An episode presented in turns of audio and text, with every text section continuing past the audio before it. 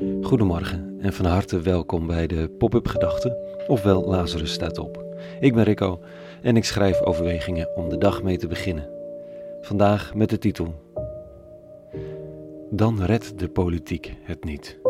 Pop-up Gedachten maandag 13 december 2021. Je hoopt toch dat ze met iets komen in Den Haag. Want hun beslissingen hebben directe impact. Gaat er een lockdown worden afgekondigd, dan is dat ook echt een lockdown. En een strakke fraudeparagraaf in de toeslagenwet kan honderden mensen helemaal kapot maken.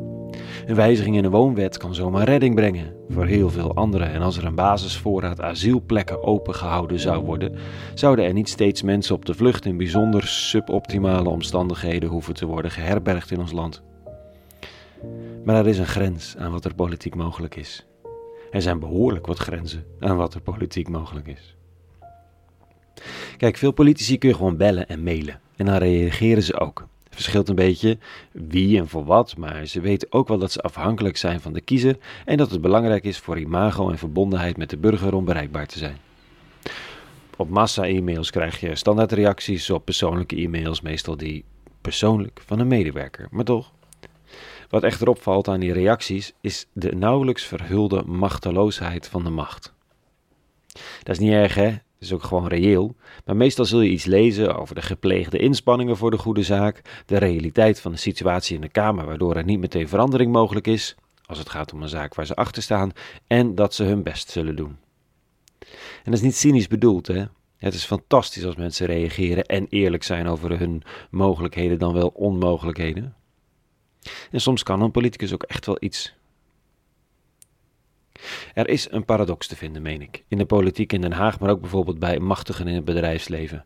Hoe groter de macht, hoe groter ook de machteloosheid.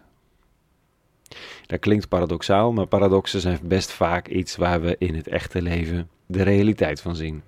Wie grote verantwoordelijkheid heeft, kan niet zomaar alles uit handen laten vallen en actie ondernemen. Kijk, als, je iemand vraagt om een actie of een handtekeningenlijst publiekelijk te ondertekenen en te promoten, dan is dat voor iemand zonder al te veel macht en verantwoordelijkheid een vrije keus. Dat is niet zo voor iemand met macht en verantwoordelijkheid. Die moet juist overleggen. Nou, dat geldt dus op allerlei dossiers. Waarom dit nu? Omdat politiek soms eindig is.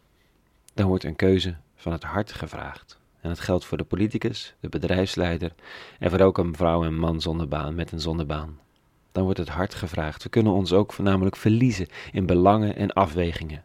Maar waar sta je zelf dan? Vandaag een gesprekje tussen Jezus en de religieuze leiders van zijn dagen. Het is een mooi stukje dialoog. Op een zekere dag ging Jezus naar de tempel en toen hij daar aan het onderrichten was, kwamen de hoge priesters en de oudsten van het volk hem de vraag stellen: Welke bevoegdheid hebt u eigenlijk om dit alles te doen? En wie heeft u die bevoegdheid dan gegeven? Jezus antwoordde: Ik zal u ook een vraag stellen. Als u mij daar antwoord op geeft, zal ik u op mijn beurt zeggen krachtens welke bevoegdheid ik dit alles doe. Kijk, het dopen van Johannes de Doper. Waar was dat vandaan? Was dat van de hemel of was dat van mensen?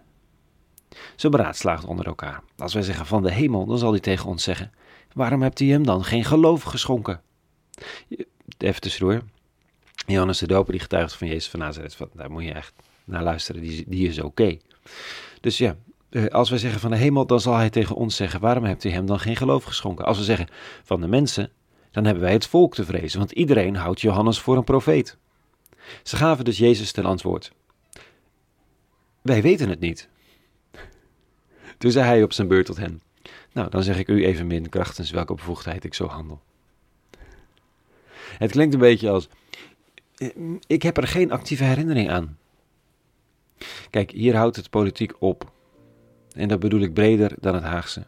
Het is ook de persoonlijke politiek, de eigen keuzes en kleur bekennen, wat de eventuele gevolgen ook zijn. En het zijn geen gemakkelijke tijden daarvoor. Je wordt zomaar afgebrand of de hemel ingeprezen.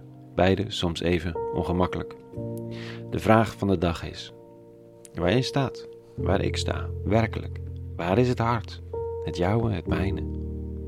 De religieuze leiders uit dit stukje zijn het een beetje kwijt, want er bestaat alleen nog belang en strategie. Kom je dus niet verder. Hm. Tot zover vanochtend. Een hele goede maandag gewenst. Met een hoop hart en vrede en alle goeds.